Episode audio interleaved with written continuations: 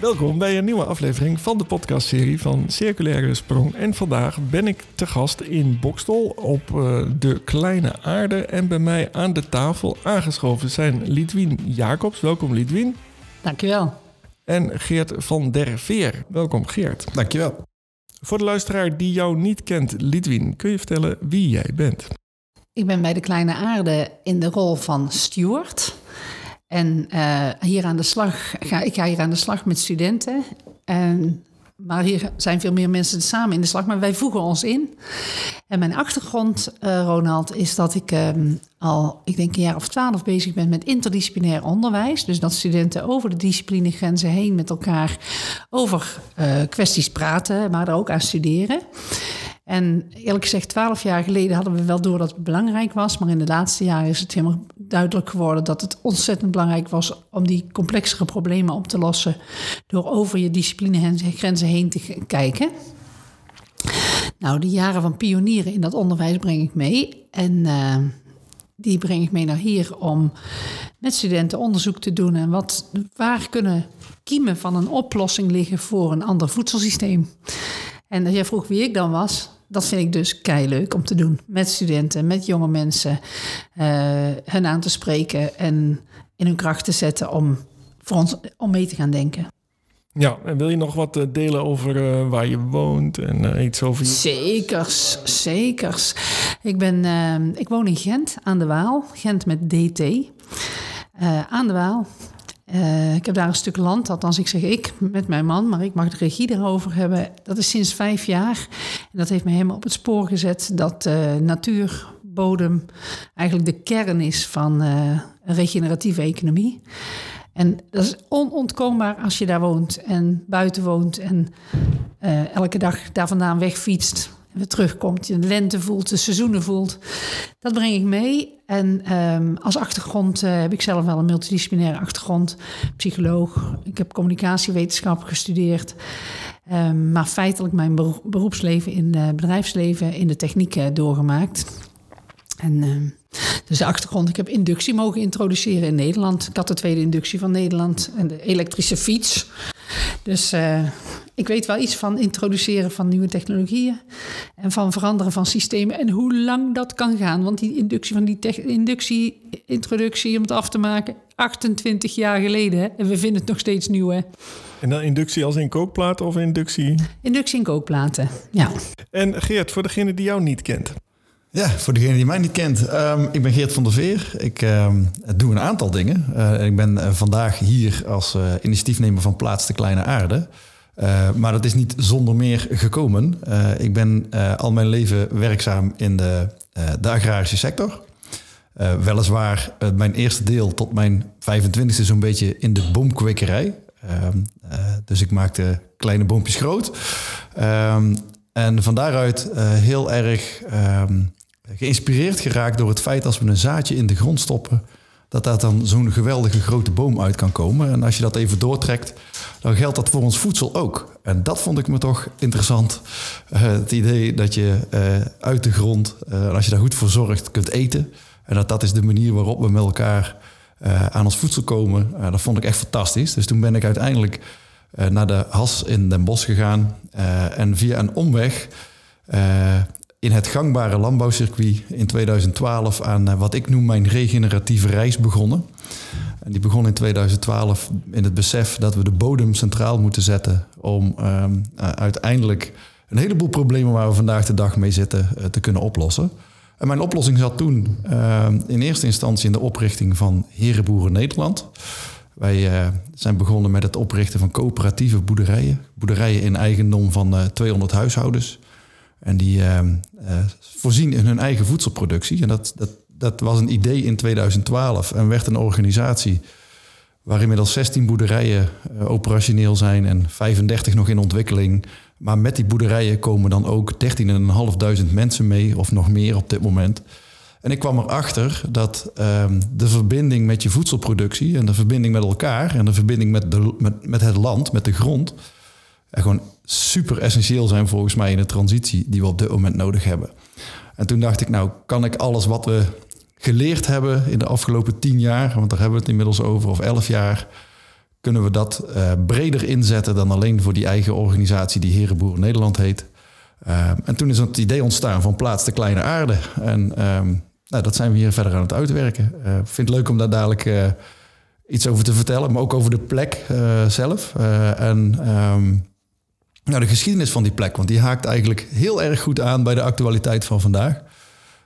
Dus ik vind het leuk om daar iets over te zeggen. Uh, en dan kun je zelfs nog de relatie maken tussen deze plek en het landbouwakkoord waar we vandaag de dag in zitten. En alle andere politieke problemen rondom stikstof.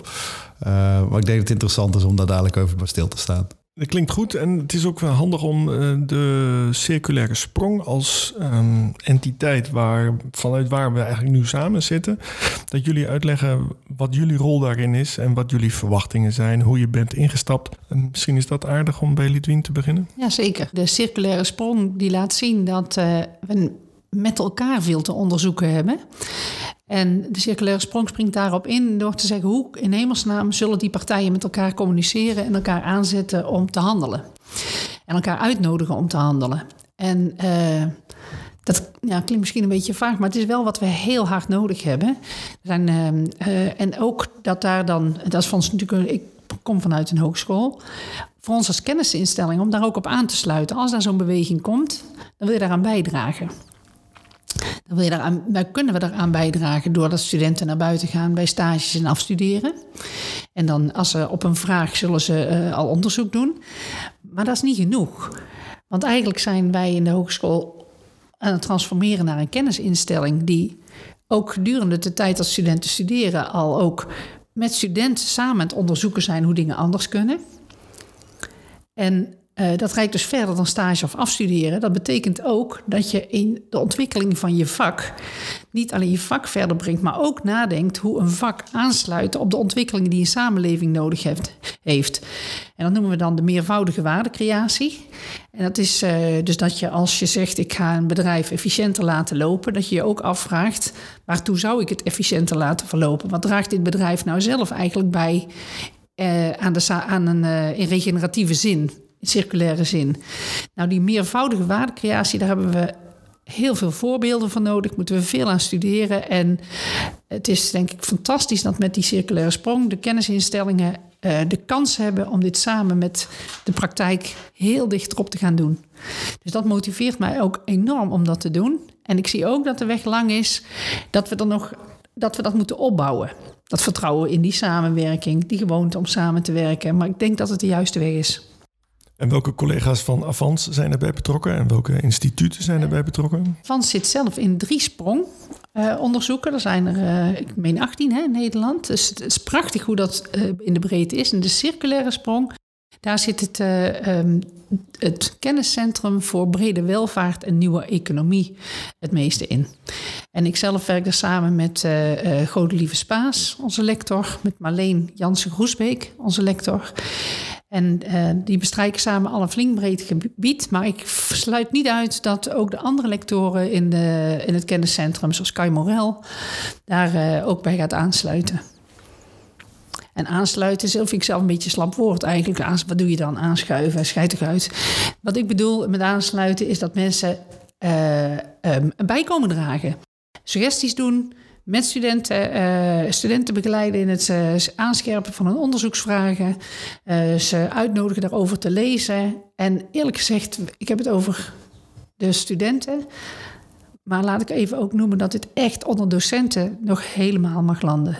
Dus eigenlijk via die weg dat je eraan begint, zullen docenten als vanzelf daarin meegenomen worden. En daar kijk ik nog misschien wel het meest naar uit. Gerard, zojuist heeft Lidwien uitgelegd welke partijen erbij betrokken zijn vanuit Avans. Kun jij eens vertellen wie er zoal betrokken is bij hier specifiek de kleine aarde? Ja, precies. Want het was wel mooi dat dat blijkbaar heel erg goed aansloot bij wat, er, uh, wat Lidwien net allemaal vertelde. Want eigenlijk als je kijkt naar deze plek, um, die gaat eigenlijk uit, dat vertelde ik net al even, hè, de bodem centraal zetten. En hoe doe je dat dan? Uh, dan blijkt daar um, niet alleen een boer op te zitten die daar het beheer op doet...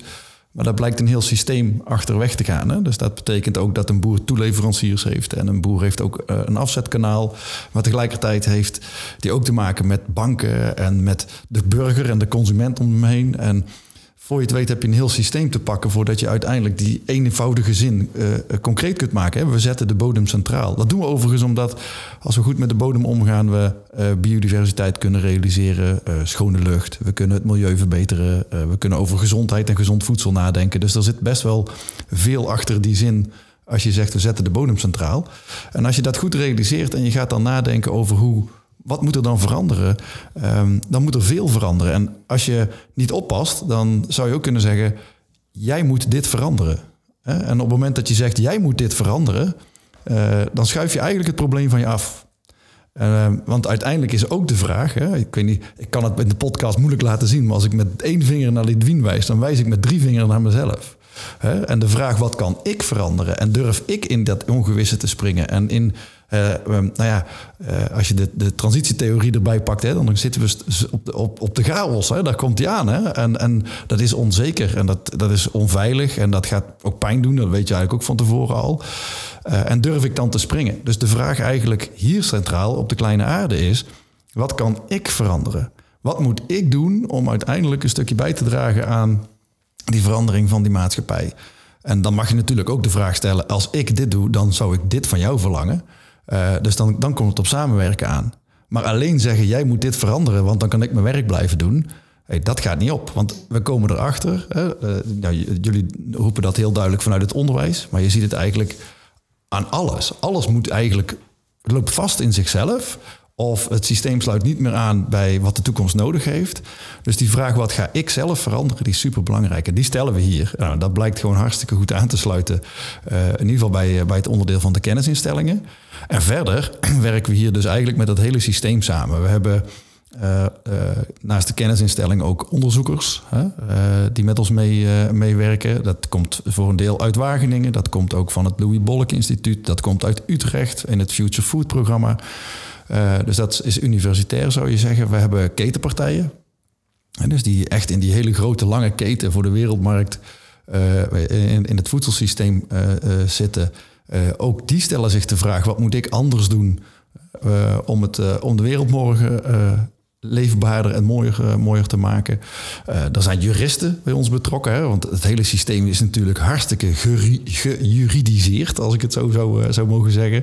En dat zit op een aantal vlakken. Hè. Dat zit op de individuele casuïstiek. Kan ik nog wel verder met mijn plannen? Klopt het nog wel? En of het dan bij de gemeente ligt of bij de Rijksoverheid, je loopt ergens vast met jouw plannen. Uh, dus dat is individueel. Maar je loopt vast omdat het systeem niet klopt. Hè? Dus, dus ook het juridisch anders inrichten van ons systeem. Veel minder maatregelgedreven en stimulerend en doelgericht zou eigenlijk het idee moeten zijn. Uh, dat doen we met juristen. Dus ook die hebben we, uh, hebben we aan ons. Er zijn natuurlijk heel veel boeren, maar ook burgers die hier, die hier komen. Hè? Want uiteindelijk gaat het toch over een nieuw arrangement tussen grond en mond. En dat is wat we hier proberen te ontwikkelen. Een nieuw argument tussen grond en mond, waarbij die bodem en de kwaliteiten van die bodem centraal komen staan. En dat nou, die burger, en ik, dan hoor je mij een paar keer het woord consument bewust omzeilen, hè, die burger ook een andere keus kan, uh, kan maken.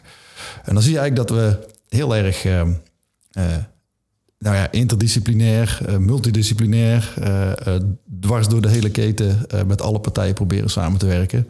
En ja, daar hoort onderwijs ook bij. Super belangrijk om onze kinderen en studenten nu te vertellen wat wij weten. Want we hebben toch stiekem maar met z'n allen een klein beetje puinhoop nagelaten. En, en ja, als wij nu eh, willen dat er over 40 jaar bestuurders uh, zitten en, en, en, mensen aan het roer staan um, die het wel snappen, dan zullen we ze vandaag de dag moeten betrekken bij de problemen die er zijn. Um, en ook daarvoor telt weer wat moet jij of wat kun jij bijdragen. Het spannend is natuurlijk wel, en uh, dat vind ik altijd, hè, uh, ja, die volgende generatie die moet het dadelijk maar oplossen. Maar wij hebben de puinhoop gemaakt, dus we zullen er echt zelf aan moeten beginnen. Dus daarom ook dat ik vind dat we vanuit die verantwoordelijkheid hier met elkaar uh, aangeschoven zijn aan tafel. Ja, ja je noemt uh, burgers heel bewust. En die laatste bestuurders, dat noem je misschien ook wel politiek. Zijn er, hoe, hoe gaat politiek Bokstol om met jullie?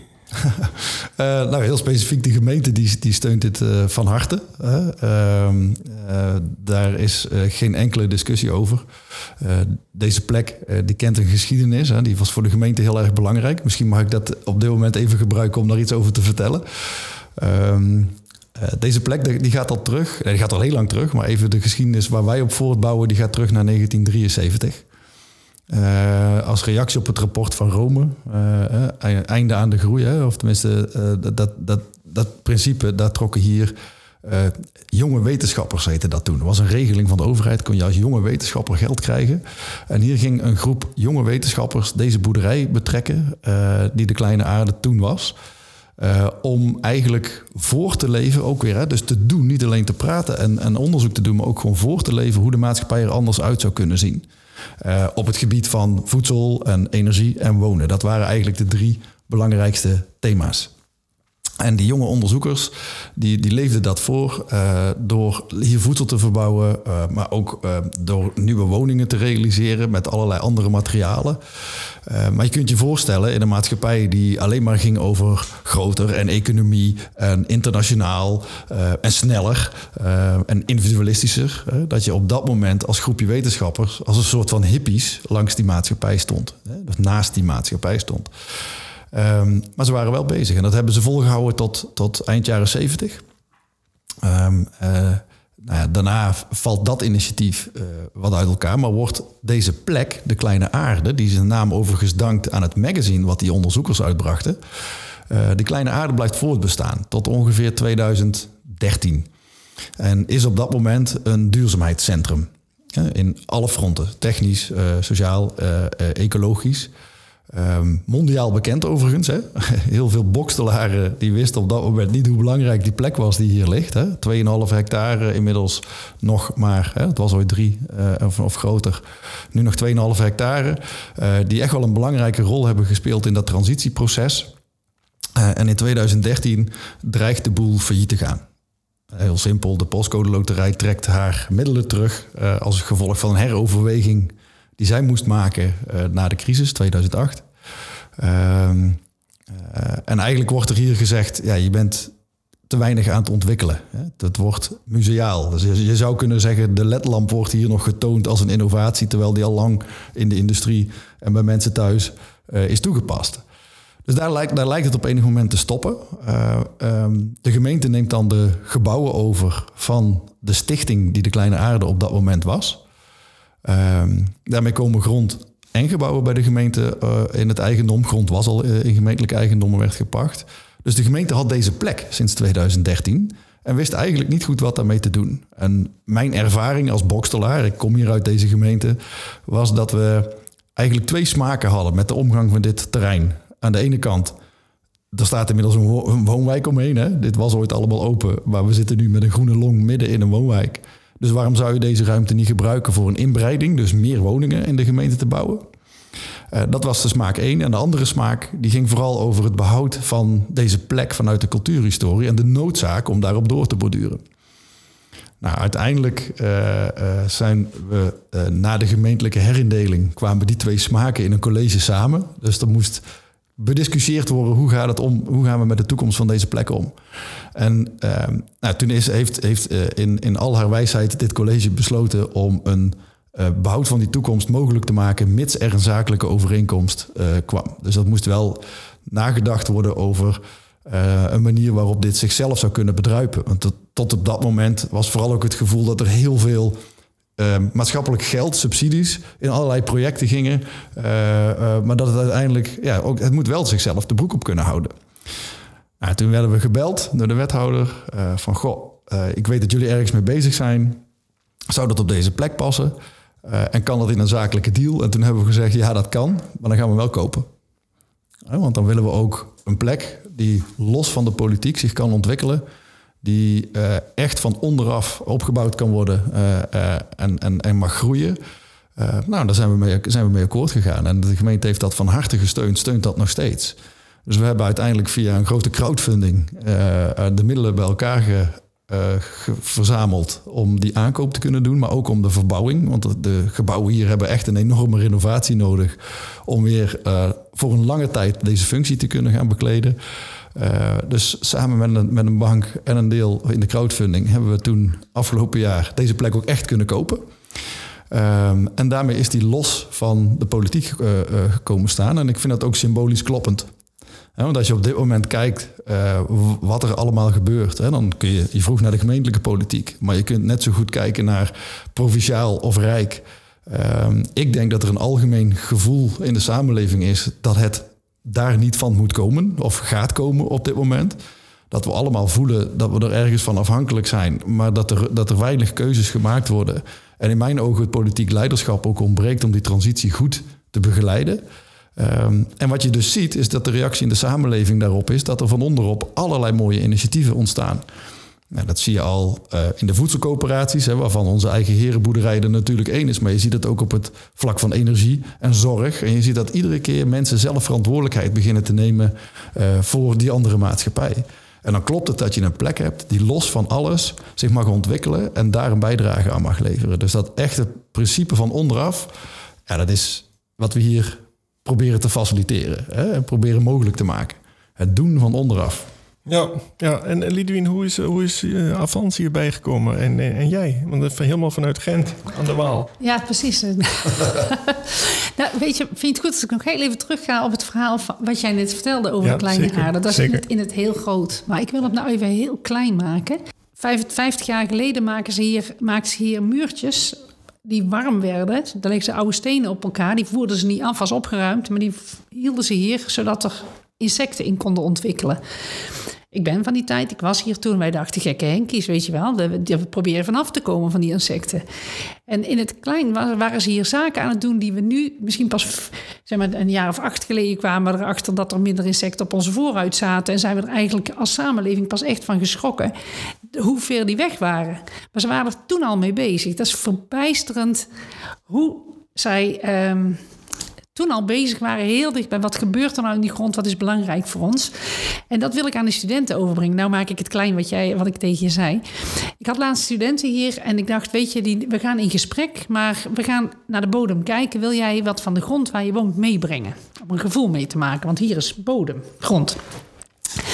En die studenten doen niet altijd wat je wil. Hè? Dus ik kwam er gelijk eentje tegen die zei... Uh, uh, ja, mevrouw, ik heb, uh, ben het niet helemaal zo gedaan. Maar um, eerlijk gezegd, onderweg van mijn huis naar hier zie ik de grond helemaal niet. Want ik kom uit mijn flat, dan loop ik over de galerij... Dan ga ik naar de parkeerplaats en dan pak ik dan de auto en dan kom ik naar hier gereden. En het was eigenlijk pas hier zojuist weer dat ik grond kon nemen. Maar ja, u had gezegd van thuis. En dat was me toch een inzicht voor mij. Ik denk jongeren die in hun leven überhaupt de, zich de bodem niet tegenkomen. En wij weten dat het een van de meest cruciale ingrediënten is. En dat, dat, was zo klein. Ik zeg, nou, ik ben je heel dankbaar voor dit verhaal. En jij vraagt van, nou, wie, wie zijn hier vanuit Avans, wat sluit je aan? Uh, logisch is dat de HAS hierbij komt. De meest logische partner. Die is er overigens bij. En die is er ook bij, uiteraard. Maar als je naar onze hogeschool kijkt, dan denk je, die hebben, wat hebben die nou met de bodem te maken? Ik kom bijvoorbeeld uit een retailopleiding. Die hebben werkelijk alles met de bodem te maken. Want zij maken waar de gelegenheden om bepaald voedsel de keten van de supermarkt in te brengen of niet. Desondanks zul je zien als je bij een gemiddelde hogeschool komt, en ook die van ons, die zijn, ik noem dat steriel. De natuur kom je überhaupt niet tegen. En dat is dus, uh, daarom ben ik geweldig blij dat Avans hier deze kans nu wel pakt. Want we hadden het kunnen laten liggen. En nu gaan we ook gaandeweg aanvoelen dat wij met die economische opleiding wel degelijk een interessante bijdrage kunnen leveren aan het stand komen van een betere bodem.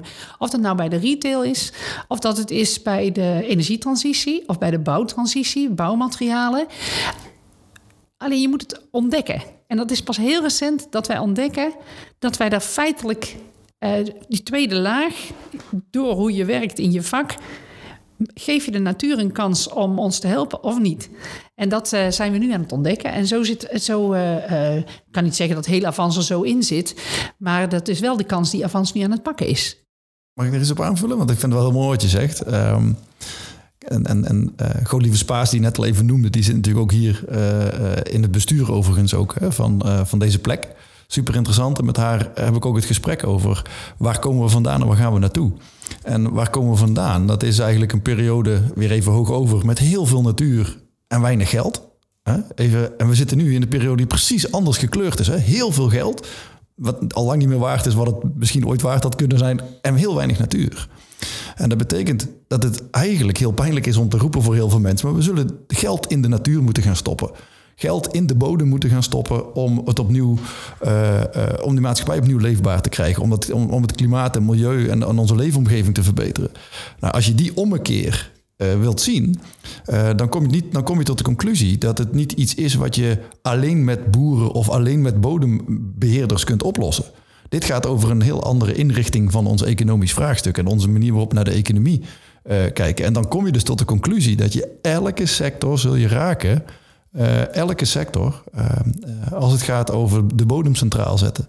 Want het gaat echt over een andere manier van benaderen van de economie en van geld. En geld als mogelijk makend middel om waarde te creëren.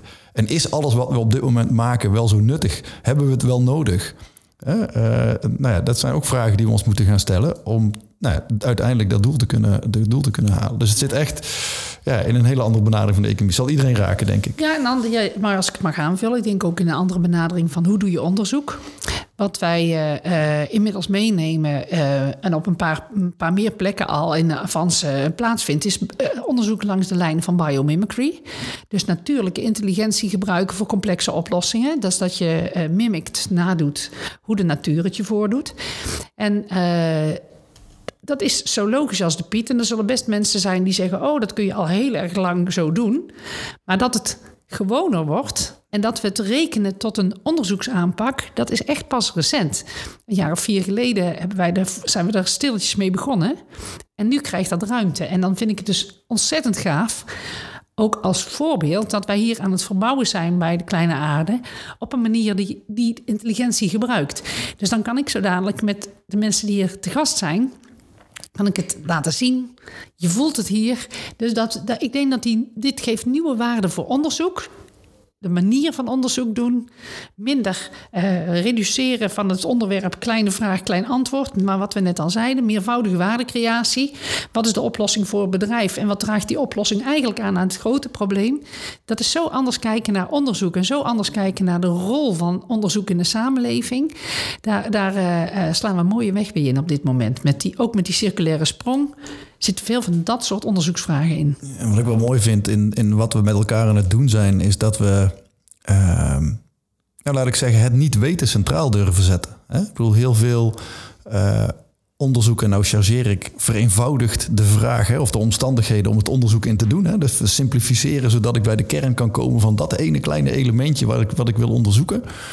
En we komen er uiteindelijk achter dat het omarmen van de complexiteit eigenlijk het enige is wat ons een stukje verder zal, uh, zal brengen. En als je nou ja, dat, dat, is, dat is, daar schrik je van als, als je bedenkt wat dat betekent. Uh, en het is ook heel moeilijk om te bedenken waar moet ik dan beginnen. Want dan is die berg ineens zo groot waar je tegenaan moet lopen of tegenop moet lopen. Uh, en dan is het super fijn als je met elkaar begint met het vaststellen. We hoeven het niet te weten. We mogen het gaan ontdekken. We hoeven niet van tevoren een onderzoeksprogramma te schrijven uh, wat volledig aan de regeltjes voldoet. Even, we hadden vorige week hier een hele grote groep onderzoekers zitten. Um, en toen ging het over de vraag: moet het onderzoek veranderen om de transitie te kunnen begeleiden? Um, en een van de definities van goed wetenschappelijk onderzoek is dat het repliceerbaar is. Maar hoezo moet iets repliceerbaar zijn als je op reis bent? Als je nog niet precies weet waar je uit gaat komen, als je elke dag een stapje verder wilt zetten. Dat geeft toch een hele andere benadering over hoe je naar samenwerken en naar onderzoek uh, en naar weten en naar ontdekken uh, moet gaan kijken. Dus ik vond het een heel mooi inzicht. Een van de vragen daar ook, aanvullend op wat jij zegt, Geert, was dat de wetenschap, je krijgt daar pas geld voor als je iets heel nieuws gaat ontdekken. En je kan dus niet in de NWO-wetenschap, dus dat is anders dan voor onze HBO-wetenschap, waar ik vandaan kom. Maar in de NWO moet je aantonen dat wat jij gaat doen nog niet eerder door iemand anders gedaan was. Maar je kan dus niet zeggen, ik heb hier een tas vol kennis en die ga ik nou bij elkaar pakken en toepassen en daar een hele mooie nieuwe toepassing in de praktijk van maken. Er ligt zoveel kennis klaar om aan die voedseltransitie te werken. Maar die manier van werken mag de wetenschap nu nog niet doen. Je moet steeds met iets nieuws komen. Nou, die, dat leert het ons nou dat op die manier de wetenschap ons die transitie niet onvoldoende door kan helpen. En, en, en, het illustreert dus dat het in alle sectoren zit als je die transitie uh, wil gaan maken hè, naar ander voedsel. Dat is echt. Uh, en dat vind ik ook, hè, misschien mag ik dat toch even aanraken. Hè. Ik ben van, het, van, van, van, van de landbouw, zullen we maar even zeggen, aan de ene kant. Maar ik maak van de binnenkant mee hoe het landbouwakkoord op dit moment wordt gesloten. Het landbouwakkoord wat ehm, eh, voortkomt uit een proces waarin ehm, overheid en boeren lijnrecht tegenover elkaar komen staan. Vanuit een decennia lang opschuiven van de verantwoordelijkheid om problemen te willen oplossen. En er moet gewerkt worden aan het vertrouwen tussen overheid en boeren. Dat is eigenlijk wat het landbouwakkoord aan het doen is. Ehm, maar volgens mij, uh, dat heb ik al, al vaker gezegd, en dan parafraseer ik een uh, bepaalde politieke partij, zullen we maar zeggen. Volgens mij zijn de boeren de kanarie in de kolenmijn. Uh, die voelen nu als eerste dat er, dat er echt iets aan de hand is in de maatschappij. Dat we echt moeten gaan veranderen. Zij zijn gewoon als eerste aan de beurt, maar we komen allemaal. En dat maakt het ook zo lastig dat we uh, in, die, in die politieke werkelijkheid van vandaag, waarin dat landbouwakkoord gesloten moet worden, je het eigenlijk niet over een landbouwakkoord wilt hebben, maar over een voedselsysteem akkoord. Je hebt eigenlijk het hele systeem te pakken. Uh, zij doen net al om die bodem centraal te kunnen zetten. Um, ja, en dat zijn we gewoon niet aan het doen. Het is toch nog, we vinden het toch nog makkelijk om die complexiteit waar ik het net over had, om daar maar niet in te gaan en het maar eenvoudig te maken. Maar die vereenvoudiging die maakt het op dit moment helemaal niet makkelijker. En dat, wordt, dat is ook heel erg anders. Hè? Dus je zult in plaats van ik kan dit onderzoeken omdat dit in mijn macht ligt. moeten gaan kijken wat kunnen wij onderzoeken omdat wij uh, uh, samenwerken en wat kan ik daar dan in bijdragen. Hè? Dus um, nou ja, ik, ik, zie het dus zowel, hè, wat, jij zegt Lidwien, in, in, in, in het onderwijs, maar ik trek hem ook even naar, de, naar, de, naar die werkelijkheid van het landbouwakkoord toe. Het moet veel complexer worden uh, worden uitgewerkt en worden aanschouwd dan dat we op dit moment aan het, uh, aan het doen Ja, maar dan toch weer even met twee voeten op de grond. Want als je het zo zegt, dan, en ik luister naar jou en ik weet dat je zo helemaal niet werkt. Maar dan denk ik, oh, het is groot en veel complexer dan ik kan doen. En dit gaat helemaal boven mijn pet. En uh, dan vind ik het weer super tof als we met groepen studenten aan de slag gaan. Die geven wij de kans om, pak nou zelf eens een draad uit dit vraagstuk. En dan maken ze het weer helemaal klein. En dan ontdek je wel dat je alleen maar door kleine puzzelstukken aan te dragen... ineens zal passen en ander, en ander niet... Maar die kleine puzzelstukken die zijn wel te behappen.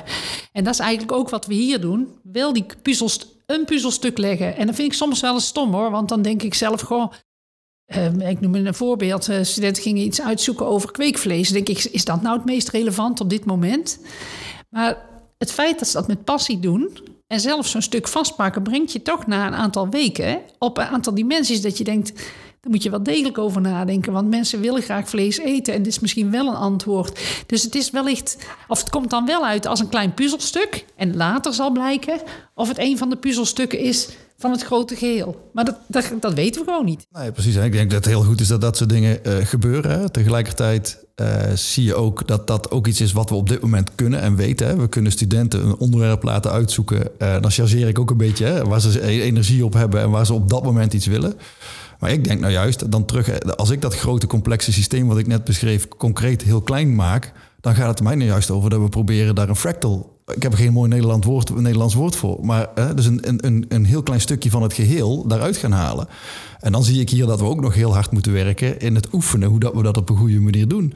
want ik zie het toch wel, we hebben hier een, een, gebouw met heel veel ruimtes. En dan zie ik in de ene ruimte het ene gebeuren en in de andere ruimte het andere. Maar hoe mix je dat dan op een goede manier? Die studenten die hier rondlopen, komen die voldoende in aanraking met al die andere mensen die hier rondlopen? Uh, en kunnen die dan samen bedenken wat, uh, waar ze aan moeten gaan werken? Nou, dat zeg je goed hoor, want daar is sprong, de sprongpapieren. En ik heb niet alleen van de circulaire sprong, maar ook andere doorgenomen. Dat papier is geduldig, hè? dat voorspelt, ach, we gaan samenwerken en dan gaan we crossover leren, want we zijn overal en we leren van elkaar. Dat is de praktijk nog niet. Vind ik niet, nee. Dat is nog niet de praktijk. En, en het enige wat je kan doen is situaties creëren waardoor het wel de praktijk wordt. Maar ik denk dat we ons nog niet rijk moeten rekenen. Dat is, uh, op papier bestaat het al. En in de praktijk uh, moeten we uitvinden wat ons zover brengt. Want als hier in de ene zaal de ene groep zit, precies wat jij zegt, andere zaal de andere groep. Dan van buitenaf bekeken kun je zeggen, wat interessant, die groepen zijn allemaal tegelijk daar.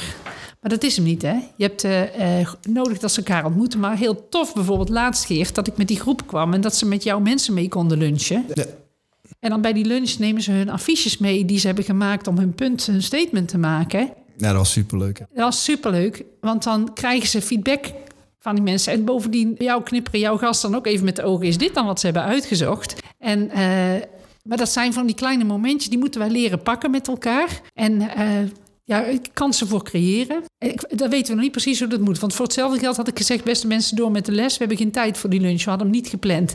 Dus die, die, die, die momenten pakken. Dus eigenlijk, eigenlijk inefficiënt werken, zodat die momenten ontstaan, denk ik nu. Ik denk, ik denk dat het super efficiënt werk is, denk ik uiteindelijk. Hè? Want, je, uh, want uiteindelijk zullen we dan daaruit blijken, zal blijken wat we daaruit uh, uit kunnen, uit kunnen leren. Maar dat, dat is het. Hè? Ik zie zelf toch heel snel dat hokjes denken. Hè? En, en, wij hebben dus een opdracht hier op deze plek. En laat dat ook uh, het doel van deze plek zijn. Om nou, het zo, de omstandigheden zo te maken dat die interdisciplinaire samenwerking of zo überhaupt samenwerking mogelijk uh, wordt. En dat, nou ja, vond superleuk inderdaad met die lunch. Hè? Dan, dan zie je dat als een praktisch voorbeeld. Maar daarop voortbordurend moeten wij nadenken over wat voor omstandigheden moeten wij creëren om mensen uit hun ruimtes en uit hun hokjes te halen.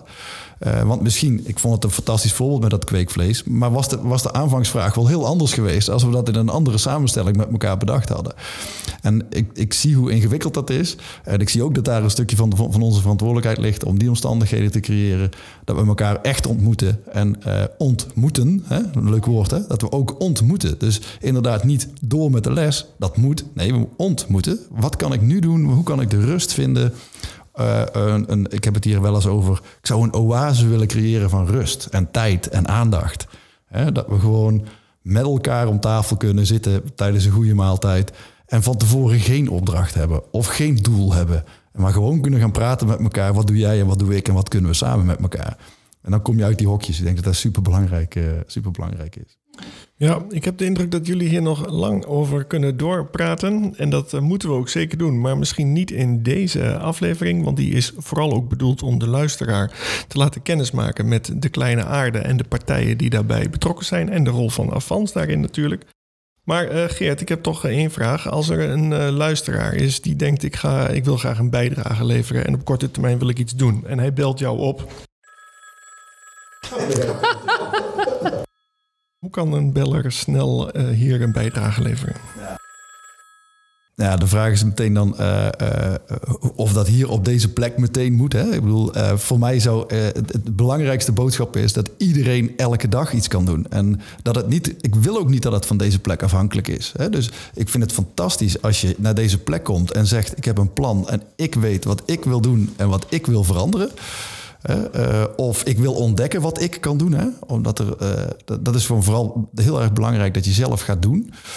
Maar laat het niet van deze plek afhangen. Hè? ga gewoon kijken wat je direct in je eigen omgeving kunt. Um, en hoe je, nou ja, in mijn geval zou ik het dan willen hebben over voedsel. Maar hoe dat je op een andere manier naar je eigen voedsel en je eigen consumptiepatroon kijkt.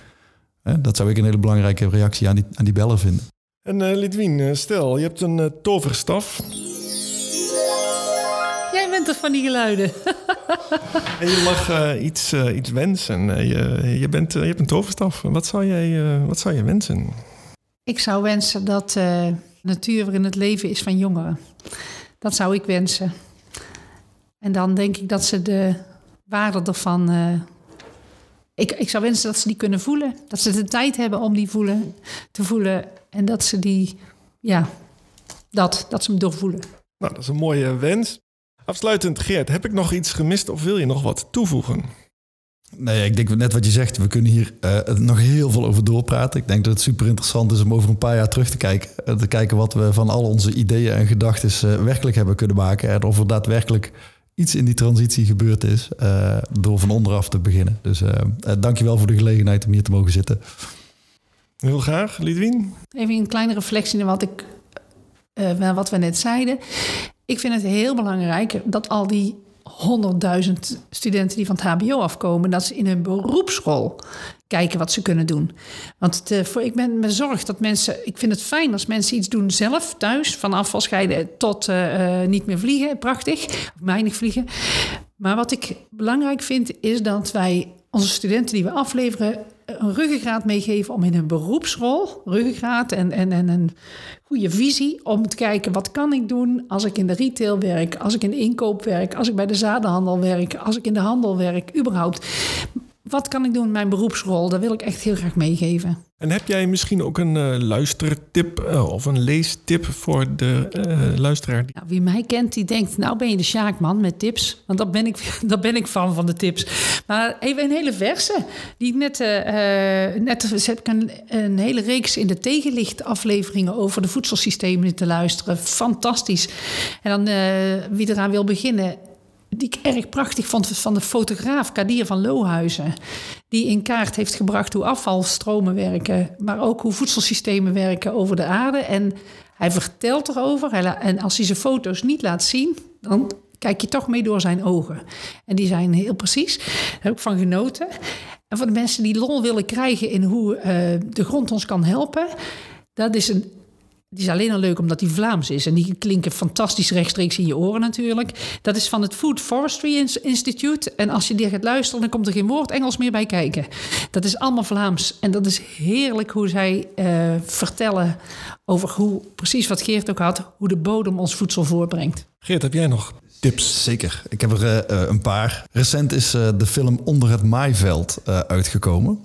En ehm, die laat in fantastische beelden zien hoeveel leven er in de bodem zit, in een gezonde bodem zit.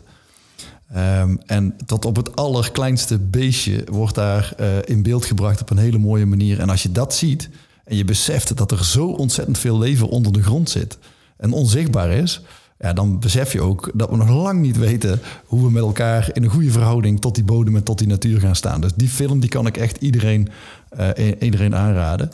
Ehm, en als je dan toch ehm, eh, aan het film kijken bent, dan zou je ook nog kunnen kijken naar My Biggest Little Farm. Uh, een film waarin ehm, voor elke, elk probleem wat zich opdoet in de natuur, of eh, in de, in de voedselproductie, een natuurlijke oplossing gevonden wordt. En dan zie je dat hoe kom ik toch weer, hoe complexer die boerderij wordt. Hè? Want in plaats van luizen bestrijden met gif, gaan we lieve heersbeestjes aan toevoegen. Of als we slakken hebben, gaan we ze niet weg, maar dan gaan er eenden naartoe om ze op te eten. Tegelijkertijd kan ik dat eendenvlees zelf ook weer gebruiken. Dus dan zie je dat er een heel complex systeem ontstaat, een ecosysteem waar voedsel uitkomt. Uh, en dan zie je hoe dat, dat dan dus ook werkelijk gemaakt kan worden. Het is wel een enorm Amerikaans ding hoor, die film. Echt zo'n promotiefilm die wij hier in Nederland, denk ik, anders zouden maken. Je krijgt er wel goede zin van. Geer is hartstikke lachen, is het ook. Dus die, als je daar zit, maar goed, dat zouden twee kijktips van mij zijn. En een luistertip zou voor mij zijn uh, de Rudy en Freddy Show, de podcast die uh, onder andere door Rutger Brechtman uh, gemaakt wordt. ja, waarin gewoon de maatschappij in zijn volle breedte besproken wordt. op een manier waarvan ik denk, nou, weet je, het zou goed zijn als we vanaf dat blikveld, zoals die, nou ja, die mensen er ook over praten en naar kijken de maatschappij wat vaker onder de loep leggen. Dus volgens mij die, uh, die drie, die zou ik mee willen nemen. Nou, dank voor jouw tips. En de luisteraar die graag contact met jou wil opnemen. Geert, hoe kunnen ze dat het beste doen? Uh, nou, dat kunnen ze in ieder geval doen door te mailen. want dat is naar info.plaatsdka. Dat staat voor de kleine aarde.nl. Info.plaatsdka.nl. En Lidwien, hoe kunnen de luisteraars contact opnemen met jou? Op hetzelfde mailadres. Want daar zijn we Living Lab voor. Uh, of ze kunnen via, wat makkelijk is het denk ik, via LinkedIn. Wien Jacobs, spoor me op en stuur me een berichtje. En uh, ik neem gelijk contact op. Ja. Mag me, dat mag met mij ook, want er wordt iets persoonlijker van en dat doe ik graag. Het gaat toch om relaties bouwen, dus uh, ik ben ook op LinkedIn te vinden. Doe vooral je best. Heel goed, dan rest mij niks anders dan jullie allebei te bedanken voor dit interessante gesprek. Lidwien, dankjewel. Was leuk om te doen, Ronald. Dankjewel. En Geert, super bedankt. Graag gedaan. Fijn dat je hier was en bedankt voor de mogelijkheid. En dan rest mij eh, tot slot echt niks anders dan de luisteraar te bedanken voor het feit dat je tot het einde bij ons bent gebleven. Vergeet niet om je te abonneren, want binnenkort staat er weer een nieuwe aflevering voor je klaar. Graag tot dan.